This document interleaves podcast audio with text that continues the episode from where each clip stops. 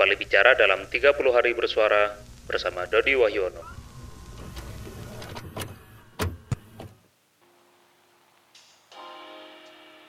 Di dalam hidup, kita sering dihadapkan pada pilihan atau pengambilan keputusan.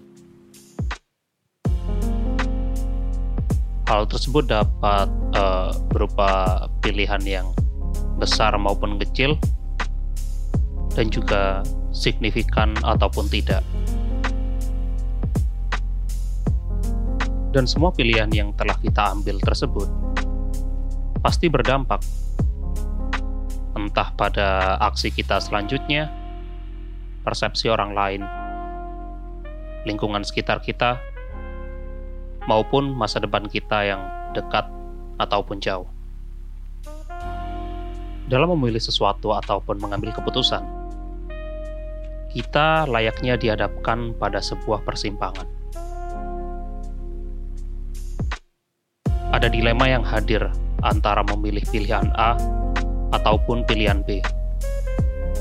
Lebih buruknya lagi, persimpangan ini kadang eh, tidak hanya bercabang menjadi dua, bisa jadi tiga, 5, 7, ataupun batas. Dan juga dari pilihan-pilihan yang sudah bercabang tersebut, ada banyak sekali kemungkinan. Tentunya kemungkinan yang bisa terjadi. Dan dari berbagai kemungkinan tersebut, terdapat berbagai realita alternatif yang dapat berlangsung jika kita mengambil keputusan yang lain. Pilihan sering kali membuat kita mempertanyakan berbagai hal dalam hidup kita. Mulai dari hal-hal yang kontekstual pada pilihan itu sendiri, hingga hal-hal yang bersifat fundamental, seperti tujuan hidup dan juga eksistensi diri. Bahkan, ketika kita lari dari pilihan tersebut atau tidak memilih, kita sebenarnya telah memilih. Um, memilih untuk lari, menghindar, atau memilih untuk tidak memilih.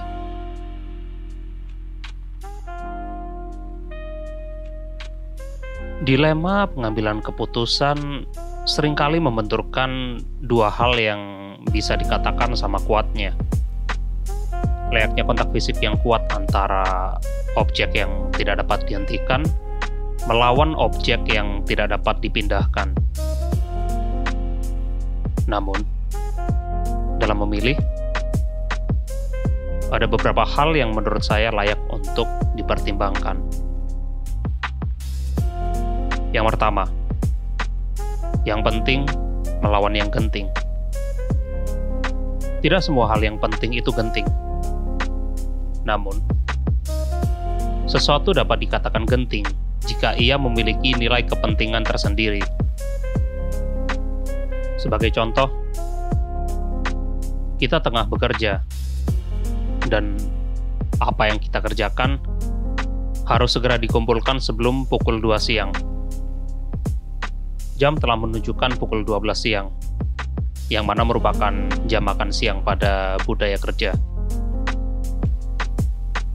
Namun, apa yang kita kerjakan masih belum menemukan titik terang, yakni titik terang penyelesaian.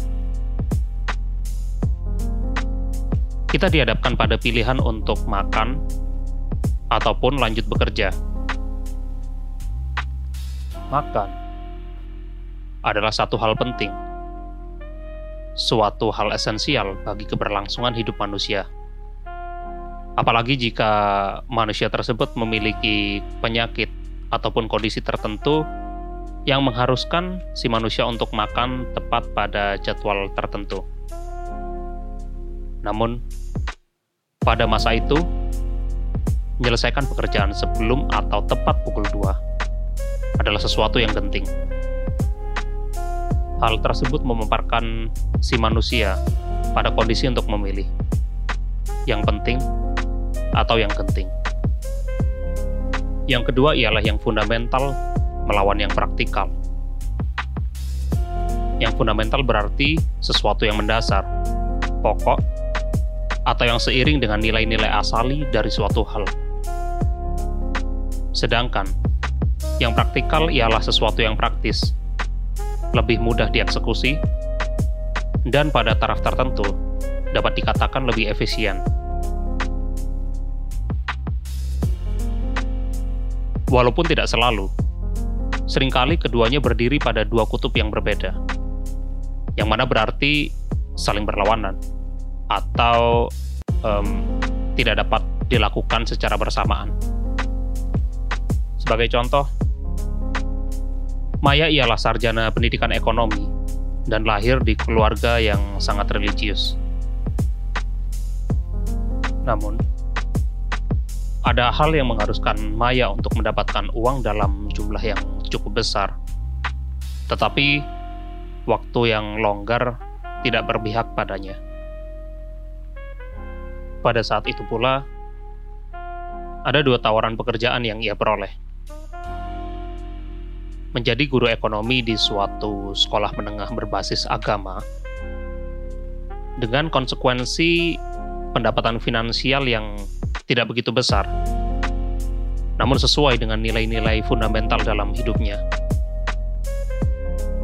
Atau menjadi seorang karyawan penjualan pada suatu perusahaan perkreditan dengan konsekuensi cara hidup yang sangat berbeda dengan yang ia yakini. Namun praktis guna memenuhi kebutuhan finansialnya pada masa itu. Yang ketiga, yang baik melawan yang benar. Yang baik tidak serta-merta menjadi yang benar. Dan begitu pula sebaliknya. Yang benar belum tentu dikatakan sebagai yang baik. Yang baik berarti melayani fungsinya untuk kebaikan. Entah hal itu merupakan kebaikan individu ataupun kelompok. Sedangkan yang benar berarti melayani fungsinya untuk kebenaran, di mana nilai moralitas dan etika sangat terkait dengan hal tersebut. Sebagai contoh, Maya merupakan seorang penulis lepas yang sangat senang menolong orang. Di masa pandemi, ia menghadapi situasi sulit secara finansial. Suatu hari, ia mendapatkan seorang klien yang membutuhkan jasanya. Namun, Maya tahu jika klien ini juga mengalami kesulitan finansial yang dapat dikatakan sama. Dan ia berharap bisa menolong klien tersebut melalui kompetensinya dengan biaya yang miring. Untuk kebaikannya, Maya harus menetapkan harga wajar, karena pada masa itu pun ia memerlukan uang. Di sisi lain, untuk kebenarannya, Maya harus mendahulukan nilai moral dan etika yang ia percayai untuk menolong sesama dengan cara memberikan biaya di bawah harga yang wajar ia berikan.